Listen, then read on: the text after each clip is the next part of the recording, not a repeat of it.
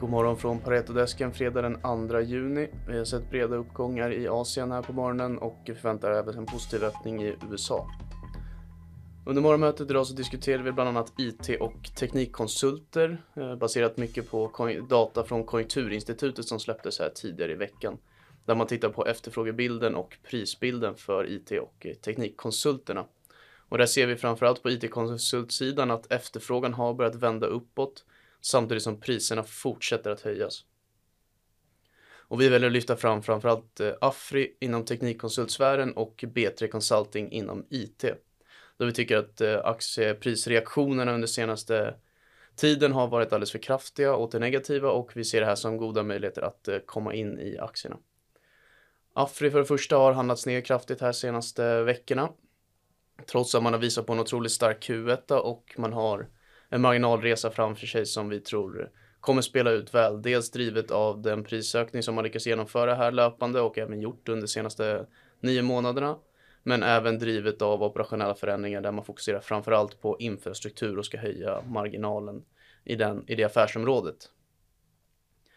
Sen har vi också B3 inom IT-konsultsfären som har handlats ner kraftigt sedan Q1-rapporten, vilket vi ser som omotiverat. Först och främst kom Q1-rapporten in hyfsat i linje med våra förväntningar. Eh, trots det har aktien handlats ner från 200 kronor till idag runt 130.